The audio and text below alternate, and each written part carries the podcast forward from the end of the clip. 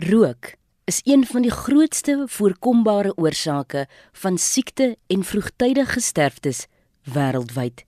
Elke jaar word 31 Mei beklemtoon as Wêreld Geen Tabakdag om mense in te lig oor die gevare en risiko's verbonde aan die gebruik van enige tabakproduk en om voorspraak te maak om doeltreffende maatreëls te tref om die gebruik van tabak te verminder. Op die lyn het ek vir Dorothy Deploy, die algemene bestuurder van Kansa Vereniging. Dorothy, ons begin sommer deur te vra, wat is die impak van rook op die menslike liggaam of dan nou selfs op die wêreld? Ons het die statistieke ontvang en daar is bewys dat daar 7 miljoen sterftes per jaar is as gevolg van tweedehandse rook en 80% van meer as 1 biljoen rokers wêreldwyd woon in lande wat geklassifiseer word as lae tot middelinkomste lande. Ons boodskap is dat dit nooit te laat om op te hou rook nie en indien u ophou rook op enige ouderdom sal die liggaam onmiddellik begin in die herstelproses om al die organe en almal die neeweffekte van die tabak te probeer regstel. So nou is daar 'n luisteraar wat sê ek wil eintlik vandag ophou rook. Wat is van die stappe wat so 'n persoon moet of kan volg? Ons stel voor dat die persoon besluit op 'n datum. Ons vra gewoonlik dat jy vir jouself 'n week kan sien om daarop voor te berei verkry ondersteuning van vriende, familie en kollegas en probeer so ver as moontlik nie in 'n omgewing te beweeg waar daar rokers is nie. Identifiseer die gevare en vind oplossings en jy beplan hoe jy die pad vorentoe sonder sigarette gaan loop. So as jy jouself op weer kans gee, kan jy 'n program uitwerk. Jy kan besluit jy gaan nou meer stap, jy gaan meer gesonde lewenstyle volg, eetgewoontes en so voort en naderhand begin jy nou al triggers, ons noem dit triggers te erken wat wat veroorsaak dat jy voel jy wil weer rook.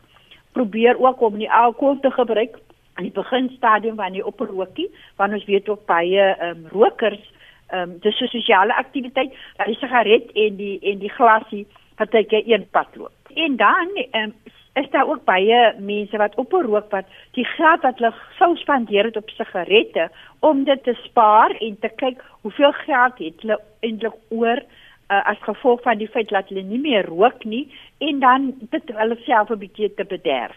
Wat gebeur dan met die liggaam sodra jy op 'n rook? Na 20 minute na jou laaste sigaret, uh, sal jou bloeddruk reeds begin daal, jou polstempo daal, jou liggaamstemperatuur styg na normaal toe sodat jy wat effekte van die feit dat jy die nikotien nie gebruik nie.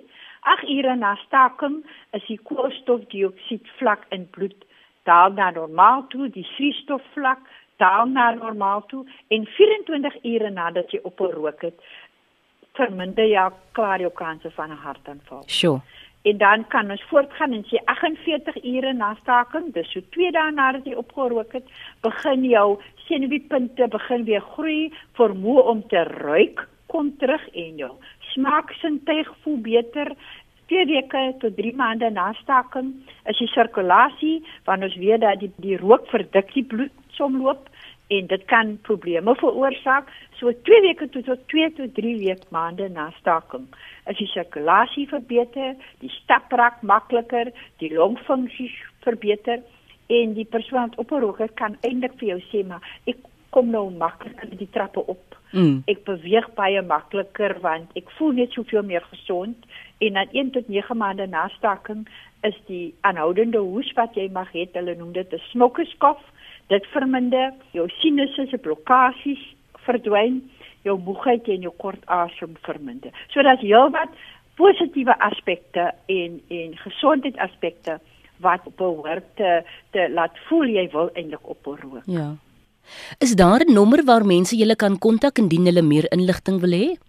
Ja ons tolvrye nommer is 0800 22 66 22 Ons het ook 'n webwerf, 'n webtuiste, dis www.cansa.org.za en vir die wat ons aanlyn ons e-kickpad e-kickpad program wil, wil graag doen, dit is op ons webtuiste, hoor.